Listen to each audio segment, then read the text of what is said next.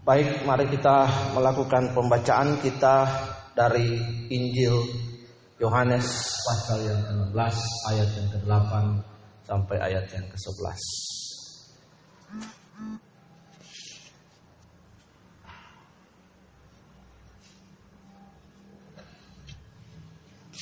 Ya. Ayat yang ke-11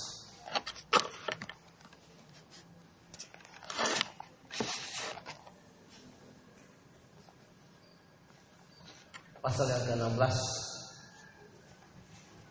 Injil Yohanes pasal yang ke-16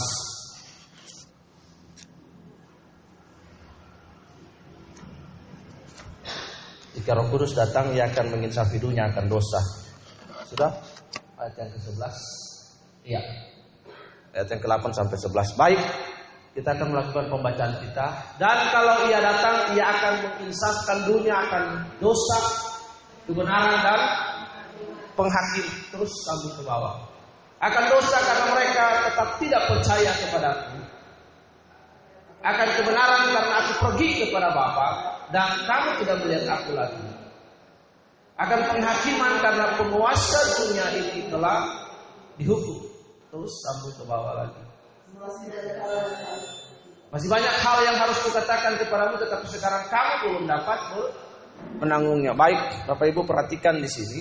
Dalam Injil Yohanes pasal yang ke-16 ayat yang ke-8 kita melihat dan menemukan di situ ada the three main works by Holy Spirit.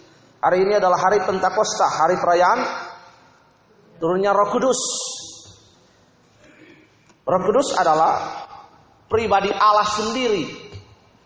Ingat, Roh Kudus adalah the personality of God.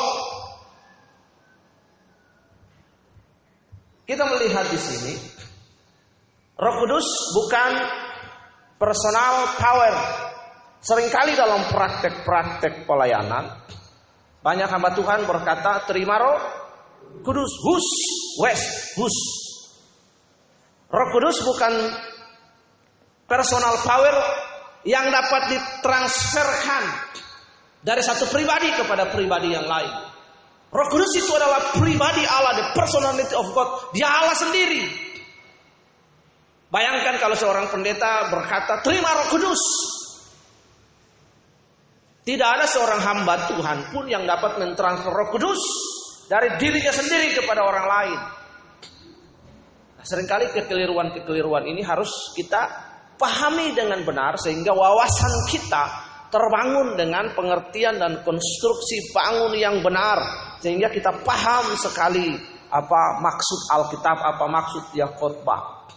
Seringkali kan dalam ibadah-ibadah KKR, ibadah-ibadah kesembuhan ilahi, banyak hamba Tuhan dengan pongah, dengan sombongnya berkata terima Roh Kudus, Puh, dia tiup lagi atau dia pakai kibaskan jas dan lain sebagainya. Dan dia berkata terima di gaya ilmu silat, gaya ilmu kanuragan kan. Dia wus lalu ada orang ratusan tumbang atau puluhan yang jatuh dan sebagainya teriak histeris. Dalam Injil Yohanes ini dikatakan dan kalau ia datang pekerjaan yang pertama yang Roh Kudus kerjakan ialah menginsafkan dunia ini akan akan dosa membawa pengertian kepada umat, membawa pengertian kepada manusia bahwa semua manusia sudah berdosa dan kehilangan kemuliaan Allah. Roma 8 ayat Roma 3 ayat 23. Semua manusia sudah berdosa dan kehilangan kemuliaan Allah. Tidak ada satupun yang benar di hadapan Allah. Karena itu manusia perlu datang kepada Allah menerima dia menjadi Tuhan dan juru selamat. Dan Roh Kudus itu akan menuntun setiap kita melalui pembacaan logos. Supaya manusia dibawa kepada sebuah pengertian. Karena firman Allah yang dituntun. Firman Allah yang kita baca. Diberikan pengertian oleh Roh Kudus supaya kita memahami kebenaran itu. Dan firman itu menuntun kita kepada kebenaran, memperbaiki kelakuan kita membawa kita menyatakan kesalahan dan menuntun kita kepada kebenaran, memperbaiki sifat dan kelakuan dan karakter kita. Itu pekerjaan Roh Kudus karena itu ketika ada orang manifest dalam manifestasi-manifestasi yang berlebihan di dalam pelayanan-pelayanan itu sesuatu juga yang keliru. Manifestasi Roh Kudus yang baik dan benar adalah dia berubah. Amin. Jika Roh Kudus bekerja, dia berubah. Manusia yang percaya kepada Kristus itu berubah. Ketika dia merespon kebenaran, dia berubah. Lalu dituntun oleh Roh Kudus Beberapa waktu lalu ada orang datang sakit di sini. Saya Mama Jo layani, panggil Jo untuk tiup sofa, tiup. Sofa. Sambil saya memuji menyembah. Nah perlu waktu lama.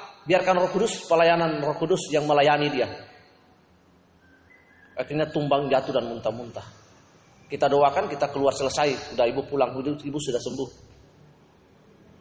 hidup dalam kebenaran. Baca firman Allah ini begitu penting. Logos lalu akan diberikan pengertian oleh Ruah Adonai, Roh Kudus. Hingga diberikan pengertian-pengertian sehingga ibu dapat memahami kehendak Allah dengan baik dan benar. Itu pekerjaan Roh Kudus. Dan kalau ia datang hari ini, we celebrate orang merayakan hari Pentakosta. Tapi penting bagi kita bukan saja kita merayakan turunnya Roh Kudus dalam aprum, tapi perlu kita memahami benar pekerjaan Roh Kudus dan kalau dia datang. Roh Kudus datang. Ia akan mengisapkan dunia. Jadi pekerjaan Roh Kudus mengisapkan dunia Anda dan saya bahwa kita berdosa. All of us fall in sin. Has sin. Dari kandungan pun kita sudah berdosa. Dosa warisan itu. Sehingga kita sadar I am a sinner on, in, on the eyes of God. Kita berdosa pada pandangan Allah. Memang kita berdosa. By the grace of God through our faith. Tapi oleh anugerah Allah, oleh iman kita yang percaya kepada Kristus. Kita diselamatkan itu bukan hasil usaha kita. Katakan amin. Eh, pemberian Allah dengan cuma-cuma. Jadi roh kudus menginsapkan kita supaya kita ini sadar. Supaya kita berjuang terus. Untuk apa? Mengerjakan keselamatan dengan takut dan gentar akan akan Tuhan. Bapak Ibu keselamatan dan hidup selamat itu dua hal yang berbeda. Perhatikan Bapak Ibu. Ini yang kita harus belajar bahwa Roh Kudus menginsafkan kita. Karena itu Roh Kudus adalah pribadi yang disebut parakletos. Para artinya di samping. Kleitos itu artinya pribadi yang berdiri di samping kita yang suka kasih ingat kita, menolong kita, menginspiring kita, memberikan pewahyuan bagi kita, rema bagi kita, impresi bagi kita, menuntun kita. Karena itu biasakanlah kita membaca firman Allah, logos ini. Betapa penting sekali logos ini. Firman ini begitu penting sekali bagi kita. Kalau saya berkata bahwa Anda orang berdosa, Anda akan berkata kepada saya, siapa kamu? Otoritas apa yang kau yang kamu punya untuk mengatakan saya orang berdosa? Tapi kalau Alkitab yang berkata Anda dan saya orang berdosa, tidak seorang pun yang dapat membantahnya. Tidak seorang pun yang dapat menolaknya. Katakan amin. Karena itu Alkitab adalah otoritas yang paling tertinggi dalam kehidupan Kristen kita. Kalau dia berkata Anda dan saya berdosa, iya kita memang berdosa. Tapi kalau saya berkata Anda orang berdosa, Anda bisa balik menuding saya. Tapi Alkitab berkata, kita semua orang berdosa. Karena itu kita yang sudah diselamatkan, yang ditebus oleh iman percaya kita. Keselamatan itu bukan hasil usaha kita, bukan hasil kerja, bukan beli, bukan berbuat baik. Tapi by the grace of God, through our faith, lalu iman percaya kita kepada Tuhan. Karena itu, ia akan menginsafkan. Roh Kudus pribadi stand beside us menolong kita, mengadvokasi kita dalam perjalanan-perjalanan, peristiwa-peristiwa hidup yang kita alami. Baik manusia menuntun manusia yang belum percaya kepada Tuhan, menggiring manusia itu kepada Tuhan. Karena itu dalam pemberitaan-pemberitaan Injil, kenapa orang bertobat? Karena pekerjaan Roh, Roh Kudus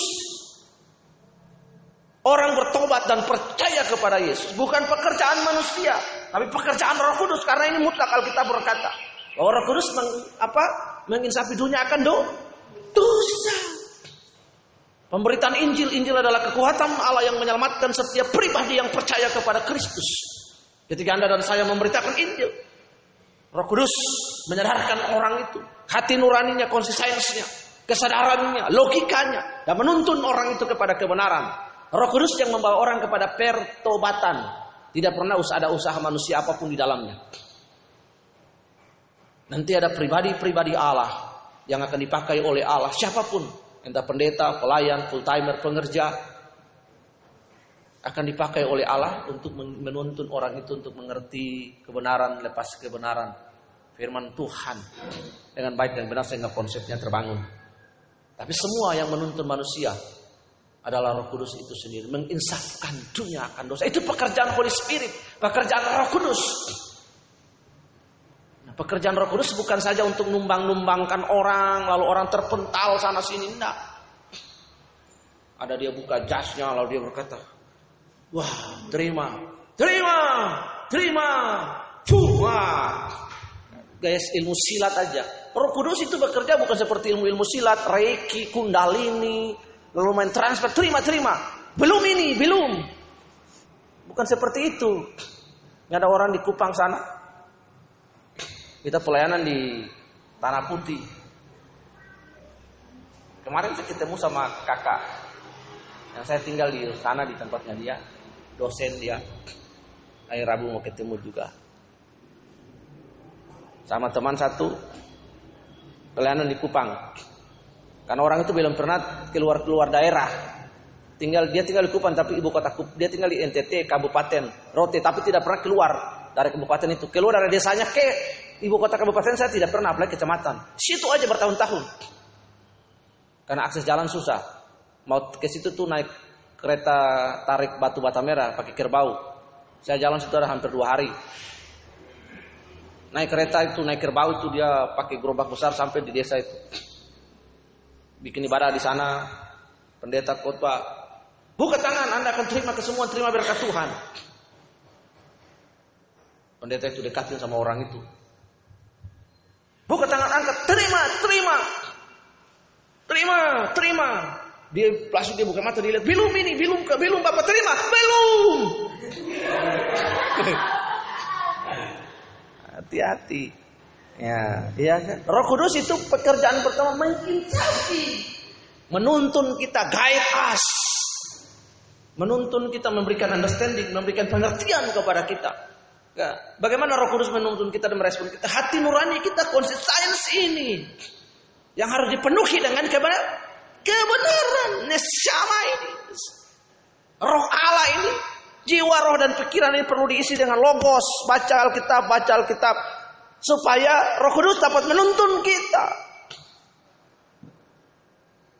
Jadi pekerjaan Roh Kudus itu bukan saja menumbangkan orang kiri kanan was khusus wes gaya orang silat kundalini lalu ilmu kanuragan tidak.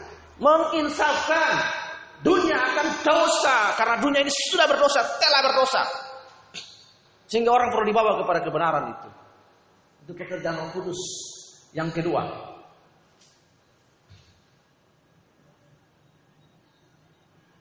dan kalau dia datang akan akan dosa karena mereka tetap tidak percaya ke kepada ah, balik lagi ayat yang ke-8. Ayat yang ke-8. Ya, lihat di.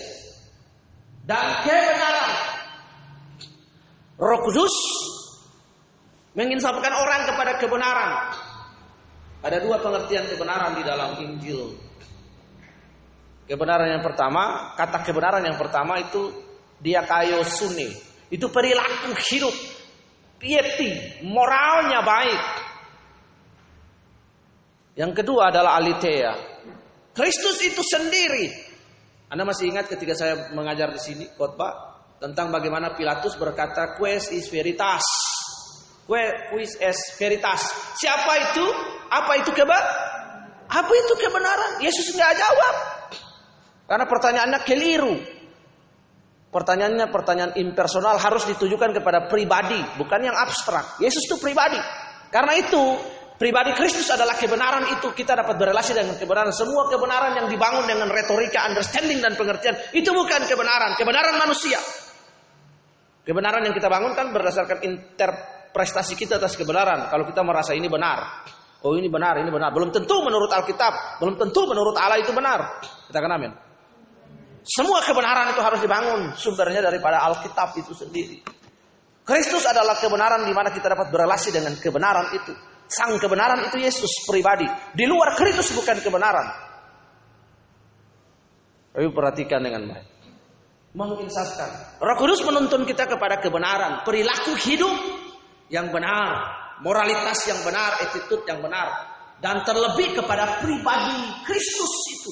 Roh Kudus menuntun kita kepada pribadi Kristus. Supaya kita to be like sempurna serupa. Segambar dengan dengan dia. Jadi di saat kita merayakan hari Pentakosta, hari ini kita harus tahu pekerjaan Roh Kudus itu apa. Sehingga kita punya pengertian yang benar. Kalau pengertian kita benar akan pekerjaan Roh Kudus, maka dalam prakteknya dan kemudian benar dalam hasilnya juga be, benar kita tidak keliru, tidak sesat. Nah perhatikan di situ. Ia akan menyisakan dunia akan dosa dan kebenaran. Nah ini perlu kita tahu. Banyak orang bertanya apa itu kebenaran, bukan siapa itu kebenaran. Kalau apa itu kebenaran, maka banyak orang akan memberikan retorika, banyak orang akan memberikan pengertian dengan pengertian diri mereka sendiri. Mereka tulis kalimat kebenaran. Lalu di belakang kalimat itu mereka memberikan definisi atas kebenaran itu berdasarkan pengertian mereka sendiri. Semua kebenaran, bahkan kebenaran pun yang kita bangun itu adalah kebenaran interpretasi saya. Saya terbatas demi Tuhan. Roh Kudus itu sumber yang tidak terbatas, karena itu kita harus belajar melekat kepada dia.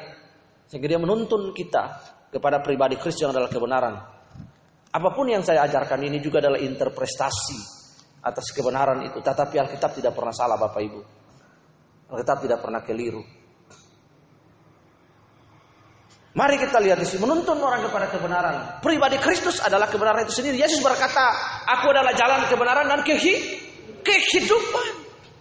Aku adalah kebenaran dan ke jalan kebenaran dan kehidupan. Tidak ada satupun tokoh agama di dunia ini yang bisa berkata, aku adalah jalan kebenaran. Tidak ada satupun penyiar agama di dunia ini yang berkata, akulah kebenaran. Is the only one. Christ. Yesus dengan gagah. Luar biasa menyatakan dirinya benar. Dia benar secara moral, secara attitude, secara karakter, semuanya. Ini yang sungguh luar biasa bagi kekristenan. Karena itu dia menyatakan diri akulah kebenaran. Kebenaran yang teori orang nggak pernah bisa berrelasi dengan kebenaran itu. Diolah di otak sini, logika. Kebenaran bersifat teori. Coba anda lihat ah, sedikit guyon ya ya orang yang bergulat bergulat dengan pekerjaan satu bidang teori dan lain rata-rata gundul semua kan? Yang tadi belakang kita di depan. Ya kan? Ada profesor masa depan ada profesor masa lalu. Ya anda perhatikan. Ada profesor masa depan ada profesor masa lalu. Profesor masa lalu adalah dia gundul di belakang kepala sini. Dia meneliti tentang hal-hal yang masa lampau masa lalu.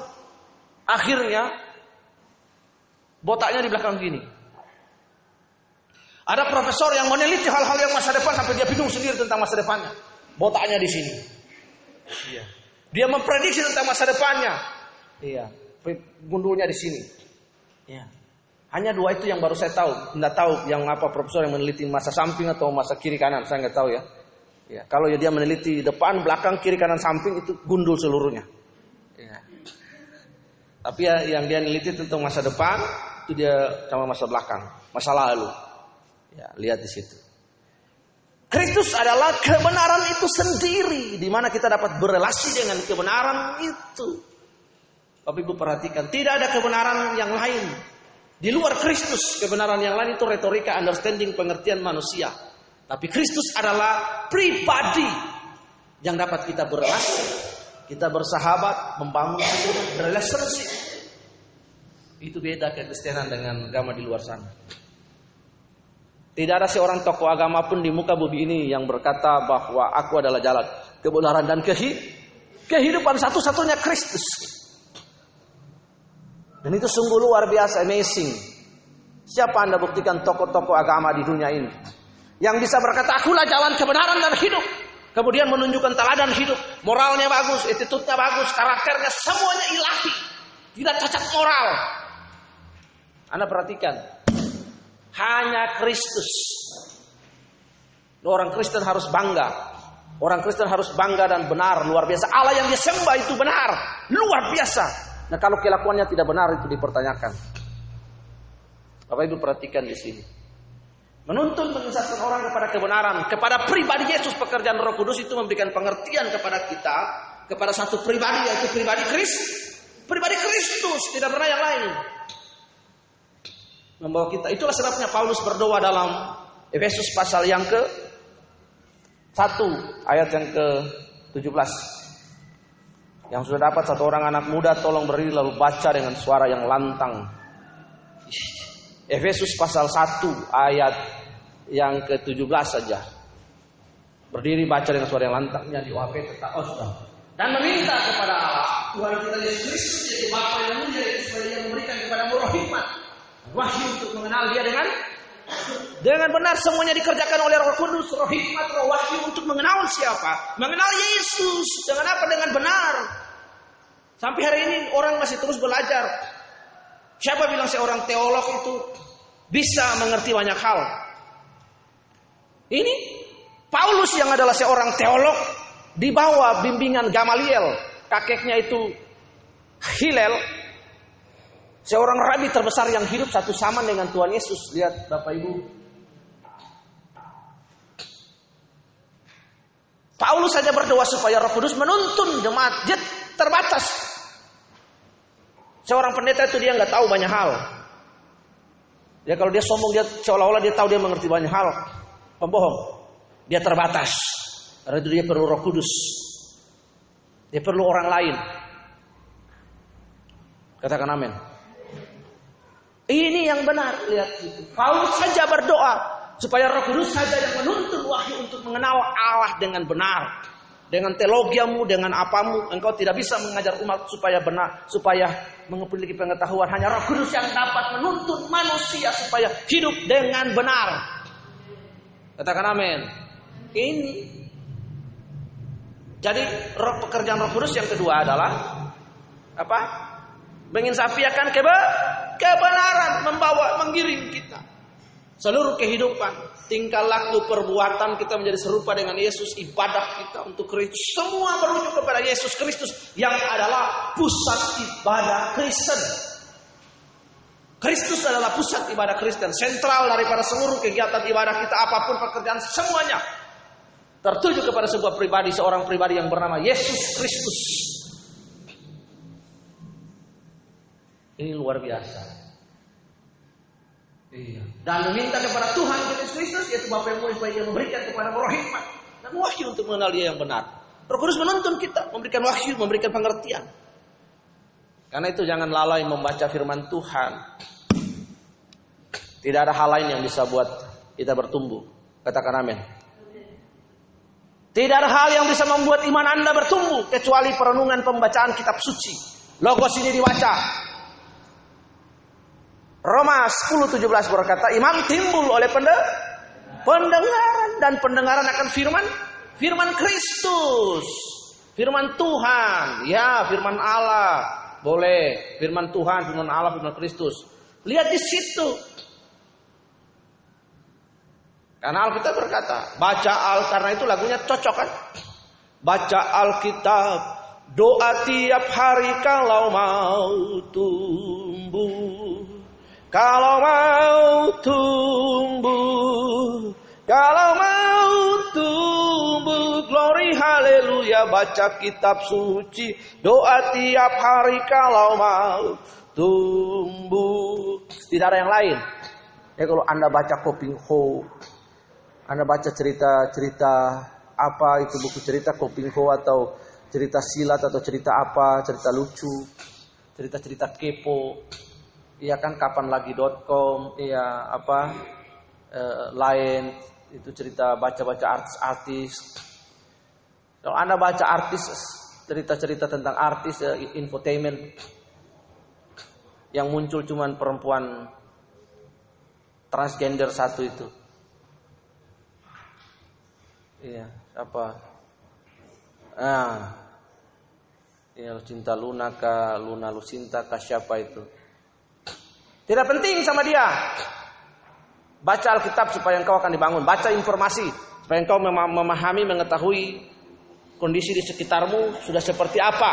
Bali ini kondisinya bagaimana? Moral orang-orang di Bali ini seperti bagaimana? 5-10 tahun lagi kondisinya seperti apa? Kute. 10-5 tahun ke depan, 15 tahun ke depan, ke Kute itu orang jalan sudah neket. Tidak pakai seutas talipun. Hari ini di wilayah Kute saja orang sudah berjalan pakai BH sama CD aja, melenggang kangkung di situ. Malam hari, Anda saya pernah ikut pendidikan human trafficking. Malam hari jam 12 Jam satu kita turun setengah dua itu dengan Pak Adi. Itu hanya orang pakai sini lalu jalan tanpa atas BH. Jadi gunung itu tergantung-gantung di situ. Iya, di Kute juga ada striptis. Tari telanjang. Asli, Kuta Bitual sana. Jangankan di Kute, itu di atas gunung sana di sungai. Sudah tua bangka namun tidak bermoral, bangkotan. Iya, dia mandi, dia kasih tunjuk dia gunung tua itu dua. Sampai anak-anak orang-orang lihat, ya. Atau kita lihat apa dah? Oh mereka sampai bingung. Ya mau aja mau sampai musuh lihat apa tuh dia lihat ini. Iya lihat sudah tidak punya moral. Orang nggak punya moral. Nah, perhatikan di situ. Lihat. Baca berita dan lain. Lalu baca Alkitab sehingga kita memahami, mengerti maksud dan kehendak dan tujuan Allah tidak ada hal yang lain. Iman timbul oleh pendengaran dan pendengaran akan firman firman Kristus, firman Allah, firman Tuhan. Kalau Anda nggak pernah baca Alkitab, bagaimana Anda tahu isi hati Allah, bagaimana Anda tahu kebenaran? Lihat Roh Kudus menuntun kita berikan wahyu untuk kita mengenal Dia dengan benar. Tidak seorang pun dapat mengenal Allah dengan benar kalau tidak dituntun oleh Roh Roh Kudus. Kalau Roh Kudus tidak pernah menuntun kita. Roh Kudus penuhi lalu tuntun lalu berbicara. Sehingga Roh Kudus menuntun kita. Roh Kudus arahkan kita. Roh Kudus menuntun kita. Roh Kudus tidak pernah merasuk manusia itu sampai dia kehilangan kesa kesadaran. Roh jahat yang menuntun orang sampai orang kehilangan kesa kesadaran.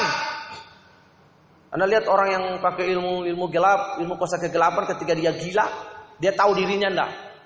Biar berjalan telanjang. Dia tahu dirinya apa enggak? Dia kan tahu dirinya. Hanya Roh Kudus menuntun kita kita sadar kita tahu diri kita bisa bersih, kita bisa rapi, kita bisa sopan dengan orang lain. Iya kan? Roh Kudus tuntun orang nggak pernah dia kuasai orang itu sampai orang itu kehilangan kesak kesadaran justru dia mendampingi istilah saya ganti dengan kata mengadvokasi nah misalnya Tibor berjalan dengan Roh Kudus berjalan ke sana Roh Kudus bilang Bro Nah, sana salah. Oh iya, dia Holy Spirit. Dia tidak jalan ke sana. Ya. Kalau dia jalan ke sana, ah, dia lihat hal yang tidak bagus atau hal yang akan dia hadapi jelek dan bergaul. Misalnya dia ke sana tuh ada kumpulan orang mabuk-mabuk atau apa segala macam, kacau-kacau. Roh Kudus bilang, Tibor jangan sana belok. Siap Roh Kudus. Sekali Tibor melawan, Roh Kudus tegur. Sekali dua kali Roh Kudus tegur Tibur melawan, tiga kali Tibur melawan, kali ketiga Roh Kudus bilang bahwa lu dua N. Kalau sudah N, lu minum jamu sudah. Itu baru suwe orang jamu. Iya ya. Tapi kalau terus kita terus dituntun, nah Roh Kudus bilang mantap bro. Ya, tuntun ayo jalan. Nah, dari situ baru kita bisa memahami kehendak dan tujuan Allah. Roh Kudus tidak pernah mau kerjasama dengan orang-orang yang bengkung. Ya. Orang yang bengkung, kalau orang itu sudah bengkung sudah kelakuannya kayak bangkung. Ya, makanya bengkung bangkung. Ya, bengkung bangkung itu artinya melawan babi itu. Lihat di situ. Roh Kudus menuntun kita kepada kebenaran. Merujuk kepada pribadi Kristus itu sendiri. Tidak ada yang lain. Karena pusat ibadah semua yang kita lakukan adalah untuk Kristus. Kristus. Aku hidup-hidup untuk Kristus. Mati-mati untuk Kristus. Kalau ku hidup, ku hidup baginya. Hatiku tetap, tetap menyembahnya. Ah, habis itu apa lagi? Harusnya kalau ku hidup, harusnya kalau ku mati juga. Kalau ku hidup, ku hidup bagimu. Hatiku tetap tetap memandangmu. Kalau ku mati, ku mati bagimu. Iya kan gitu. Mati hidup bagi Kristus. Bagi Kristus. Alkitab berkata, kalau aku hidup hidup untuk Kristus, kalau aku mati mati untuk untuk Kristus. Semua. Nah kalau kita menyadari kehidupan kita, kita datang dari mana, kita berasal dari mana, memulai hidup dari mana untuk kemuliaan Allah. Mantap sekali. Yang berikut dalam iman Kristen ada pengharapan yang disebut pengharapan eskatologi, perhatikan. Ayat 8 dong. Ya. Dan kalau yang terjadi akan dunia akan dosa sudah kebenaran dan terakhir penghakiman. Sehingga Roh Kudus memberikan pengertian kepada kita, mengisapkan kita. Kita menyadarkan kita akan dosa, menyadarkan kita akan kebenaran lalu kita hidup kehidupan kita merujuk kepada pribadi Yesus. Kalau Kudus ingat, setialah setia. Karena di akhir dari hidup ujungmu adalah ada penghakiman. Penghakiman itu jangan menjadi sesuatu yang menakutkan bagi orang Kristen. Karena janji Tuhan, Tuhan sudah berkata bahwa aku pergi untuk menyediakan rumah bagi kamu. Pertanyaannya apakah kita akan nanti sampai di rumah apa tidak? Ah, dalam 2 Korintus pasal 5 ayat 9 di, dikatakan di ayat 10 dikatakan bahwa semua kita akan dihakimi berdasarkan perbuatan baik dalam pengadilan Allah untuk menerima dari akibat dari perbuatan kita baik yang jahat maupun yang baik. Ada penghakiman bagi setiap kita. Anda menerima mahkota. Ada jenis-jenis mahkota, ada diadema, ada Stefanos, mahkota martir, diadema, lain-lain sebagainya. Mahkota jiwa, mahkota penggembalaan, dan lain sebagainya. Perhatikan di sini. Dalam kekristenan itu Roh Kudus menuntun kita sehingga kita memiliki gairah untuk hidup.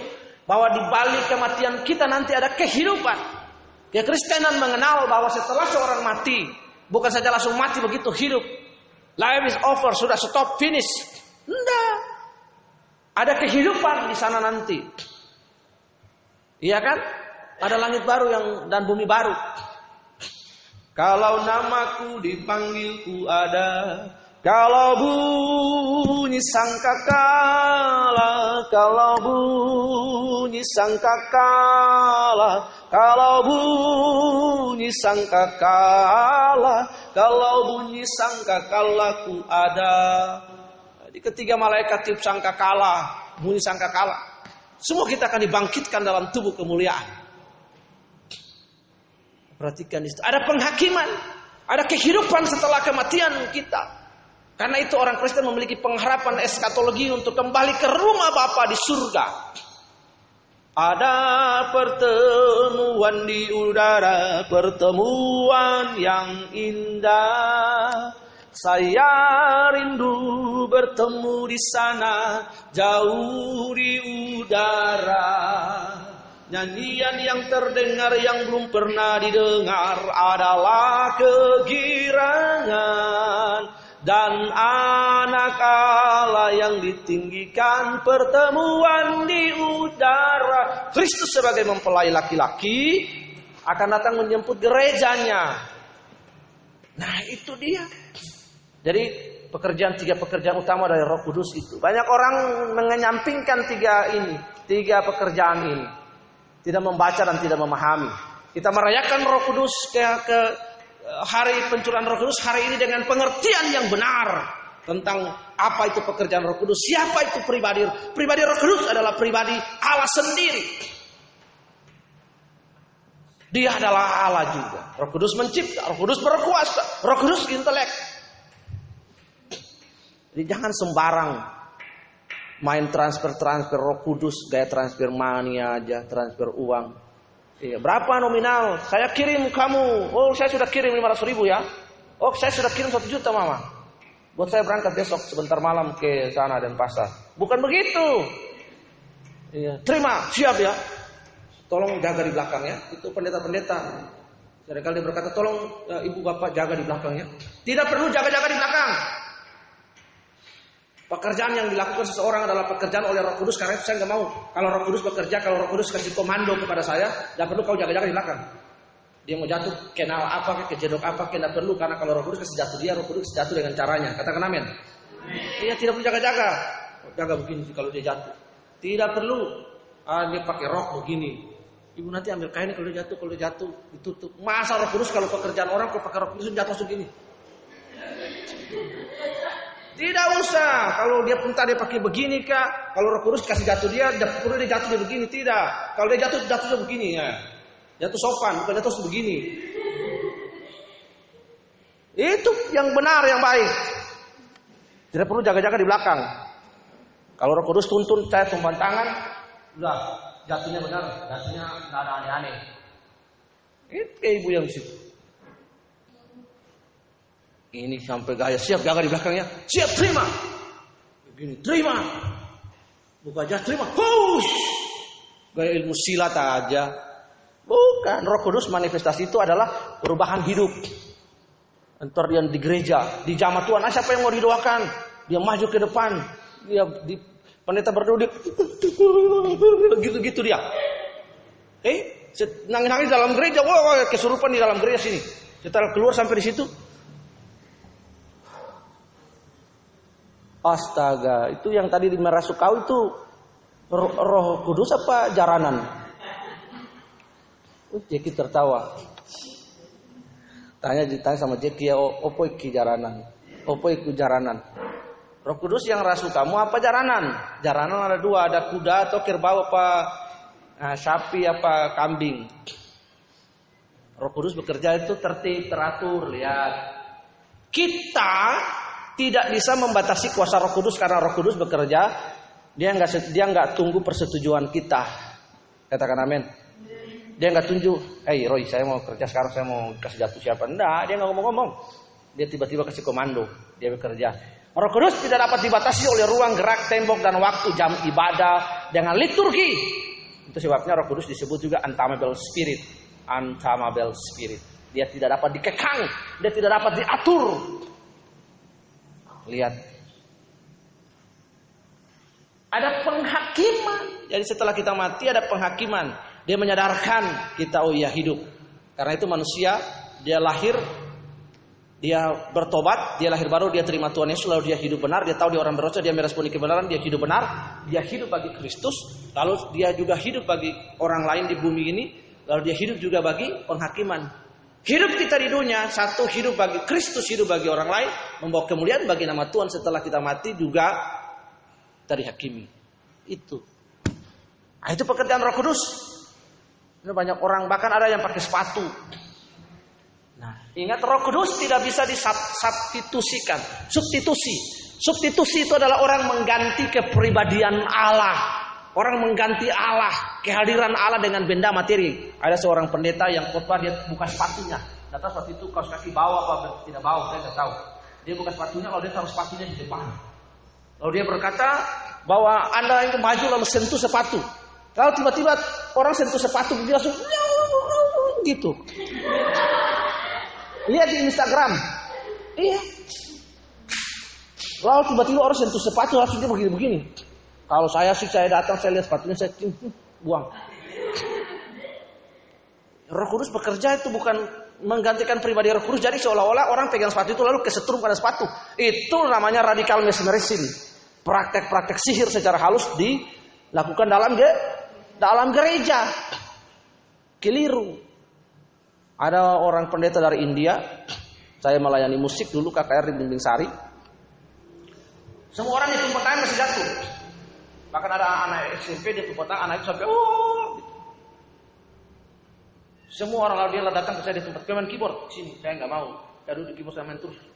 Dijengkel sama langsung dia datang. Dia langsung oleh sini. Saya nggak jatuh jatuh juga kayak gini. Dia gini saya gini juga. Dia gini saya gini. Iya. Asli saja mama.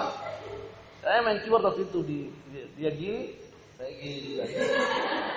Iya, enak aja lu datang tumpang tangan ke saya. Hidup lu benar apa enggak tumpang tangan ke saya? Transfer transfer roh. Eh, dia gini gini gini terus habis itu dia peluk saya langsung dibis-bis dengan saya. Ham, ah, ah, ah, pelayan Tuhan jangan keraskan hatimu. Rebah, lembutkan hatimu, rebah. Saya bilang maaf saya tidak akan rebah. iya. Ah, saya akan rebah. Habis itu saya nyanyi lagu. Walau seribu rebah di sisiku. Iya. Bagaimana Tibar? Aku tak akan re, tak akan rebah. Iya betul itu. Lihat, jangan orang sembarang-sembarang main tumpang tangan, tumpang kaki. Iya, iya dalam hidup ini. Ya, jadi itu menolong kita supaya kita punya pengertian yang be, yang benar. Jadi akhirnya selamat merayakan hari pencurahan Roh Kudus. Hiduplah dalam Roh Kudus sehingga menghasilkan terakhir buah-buah roh dalam Galatia pasal 5 ayat yang ke 9 ayat yang ke 19 sampai 21. Tetapi buah roh atau karpos, buah roh karpos yang dikerjakan oleh Roh Kudus satu tapi manifestasinya banyak. Yaitu kasih, damai sejahtera, kelemah lembutan, penguasaan diri, panjang sabar, murah hati, Orang yang diurapi Roh Kudus, orang yang dipenuhi Roh Kudus, dituntun dalam kebenaran, dia pasti murah hati. Anak Tuhan tidak pernah pelit. Pelit, culas. Tahu culas, kikir, medit. Makan, simpan makanan dalam sampai orang amun bilang bakula itu makanan. Berjamur. Tidak berbagi. Ada nggak di sini? Kalau ada di dalam kamar, usir dari kamar. Hei, di sini penuai tidak ada yang pelit. Pergi tempat lain. Berbagi. Amin. Jangan pelit. Pelit ba, pelit apa aja, apalagi yang anak-anak dia serama satu kamar. Jangan pelit. Kalau pelit makanan, pelit ini, pelit ini, pelit uang, berbagi. Ya, tapi kalau utang uang sama teman satu kamar wajib diganti. Nanti kalau pas diminta gini, kamu jangan pelit ya. Loh, masa kamu pinjam 50 sama saya, terus saya minta sama kamu, kamu bilang pelit. Tunjuk dia, bertobat kau. Ah. Iya kan? Itu dia. Pinjamnya ganti, tapi berbagi di situ. Amin. Anak Tuhan tidak boleh pelit, merit, murah hati seperti Bapak di surga. Hanya dua, murah hati seperti Bapak di surga. Yang ketiga adalah sempurna seperti yang kedua sempurna seperti Bapak. Bapak di surga. Itu rujukan Al Injil bilang sempurna seperti Bapak di surga. Hendaklah engkau murah hati karena Bapak itu free giver. Allah itu murah hati free giver, dia memberi tanpa hitung-hitungan. Eh, karena begitu besar kasih Allah akan dunia ini sehingga dia mengaruniakan yang tunggal supaya setiap orang yang percaya kepadanya tidak binasa melainkan memperoleh hidup yang yang kekal. Kalau Anda pelit bagaimana? Tuhan itu tidak pelit-pelit amat. Lu orang berdosa, saya orang berdosa diselamatkan Tuhan, tidak ada hitung-hitungan. Finish selesai.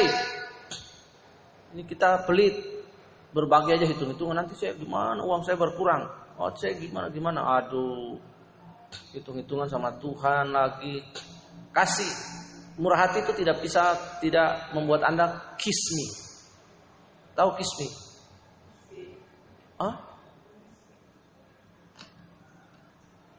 Oh iya, benar. Suara kalau benar, suara besar. Ya, lihat. Murah hati tidak pernah bisa membuat Anda miskin. Amsal berkata, Anda menyebarkan harta tapi tidak pernah berkeku kekurangan. Jadi itu buah dari Roh Kudus. Buah dari Roh Kudus itu menolong kita untuk melihat diri kita lihat di situ. Murah hati, panjang sabar, lemah lembut, yang terakhir itu penguasaan diri. Nanti kita bahas karpos ya buah-buah roh. Penguasaan diri. Eh, kalau Anda bilang Anda dipenuhi roh kudus tapi Anda garang. Emosional, temperamen. Waduh. Itu bukan buah dari Roh Kudus itu buah jaranan. Tahu ya? Tiba-tiba jaranan kan tanduk kan sana sini sini tanduk. Kalau dikasih tanduk dia tanduk sana sini tanduk. Sorok. Serok sana sini. Ah, lihat. Tapi buah Roh Kudus itu panjang panjang sabar. Ini yang satu maki, yang satu teriak. Waduh, Akhirnya heboh lagi. Terpaksa sapu kenal sudah. Nah, Lihat di situ. Dua-dua harus panjang sah. Panjang sabar kasih itu lemah lembut kasih itu apalagi murah hati panjang sabar segala macam itu buah Roh Kudus jadi selamat merayakan hari turunnya Roh Kudus Pentakosta cuma satu kali ya menggenapi Yoel pasal 2 ayat 28 Pentakosta cuma satu kali seumur hidup Roh Kudus menyatakan keilahiannya divine-nya turunnya Roh Kudus menggenapi juga Torah, Zabot, hari perayaan Pentakosta, hari perayaan ke-50 dari perayaan tradisional Israel. Itu Roh Kudus menyatakan dirinya, menggenapi seluruhnya. Tidak ada penggenapan-penggenapan yang lain. Roh Kudus terus bermanifestasi dalam berbagai peristiwa-peristiwa gerejawi. Peristiwa-peristiwa rohani spektakuler di bangsa-bangsa. Tetapi peristiwa Pentakosta cuma satu kali dan untuk selamanya. Allah menyatakan keilahiannya, tetapi dia tetap eksis bekerja. Dia terus bermanifestasi, menyatakan manifestasinya di dalam berbagai-bagai peristiwa dalam pelayanan gerejawi. Tetapi peristiwa Pentakosta cuma satu kali, tidak ada dua kali, tidak ada kali ketiga, kali keempat, kali kelima, tidak ada seri O Pentakosta. Satu kali saja. Karena kalau Pentakosta satu kali dia menggenapi seluruh nubuatan yang sudah ada. Dan dalam peristiwa Pentakosta itu jiwa-jiwa secara endemis bertobat, disisikan dan disisikan oleh para rasul dan lain sebagainya. Itu harus diingat. Tidak ada roh kudus Pentakosta kedua, ketiga, keempat, kelima. Ya, cuma satu kali saja menggenapi Yoel pasal yang kedua itu pelaban dan diaperu disaksikan oleh para murid. Nah, jadi selamat merayakan hari turunnya Roh Kudus. Kita sudah dapat tiga pekerjaan Roh Kudus. Kita juga sudah belajar tentang buah dari pekerjaan Roh Kudus. Kita belajar bahwa Roh Pentakosta itu cuma satu kali seumur hidup. Biarkan Roh Kudus menuntun, menggairahkan kita. Saya akan berdoa seperti Paulus berdoa, tolong dibuka Efesus pasal 1 ayat 17. Supaya semua kita memahami hal ini dengan dan benar. Oke. Ya, mari kita kepala kita berdoa. Dari ayat 15 yang Tunduk kepala saya berdoa. Pak Ibu. Tuhan seperti Paulus berdoa bagi gereja Efesus gereja yang utama yang biasa Efesus yang penuh dengan spiritual karunia-karunia roh dan pelayanan. Hari ini hamba berdoa Tuhan bagi jemaatmu yang adalah milikmu sendiri. Gereja ini adalah gereja milikmu Tuhan. Bukan milik sinode, bukan milik organisasi atau milik hamba sendiri, tapi milikmu. Tuhan karena itu hamba berdoa. Setelah Tuhan kami belajar tentang iman dan kudus tentang kasih kami bagi sesama kami dan orang kudus.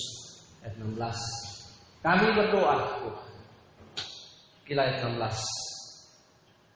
Aku pun tidak berhenti mengucap syukur karena gereja di tempat ini. Dan aku mengingat gereja di dalam doa-doa aku ayat 17. Karena itu Tuhan aku berdoa dan meminta kepada Engkau Tuhan Allah, Tuhan kita Yesus Kristus yaitu Bapa yang mulia itu supaya ia memberikan kepada roh hikmat dan wahyu untuk mengenal dia dengan benar. Hari ini hamba berdoa dalam nama Yesus untuk memberkati jemaat Tuhan yang dipercayakan untuk hamba. Tuhan, hamba berdoa dan mengucap syukur di dalam nama Yesus. Biarlah roh kudus memberkati mereka. Dengan mereka diberikan roh hikmat Tuhan untuk mengenal engkau lebih dalam lagi. Dengan baik, dengan benar, dengan jelas. Di dalam nama Tuhan Yesus berkati kami sepanjang hari ini Tuhan. Kami berdoa dan mengucap syukur di dalam nama Tuhan Yesus. Terpujilah namamu sampai selama-lamanya. Dialah firman yang kami baca ini tidak berlalu begitu saja. Namun juga Tuhan menguatkan kami dalam hari-hari kami hidup. Menjalani hidup ini dituntun oleh roh kudus yang mengadvokasi kami. Terpuji namamu, kami sudah berdoa dan kami bersyukur di dalam nama Tuhan Yesus. Haleluya, haleluya. Amin. Tuhan Yesus memberkati. Shalom. Saya kembalikan kepada worship leaders.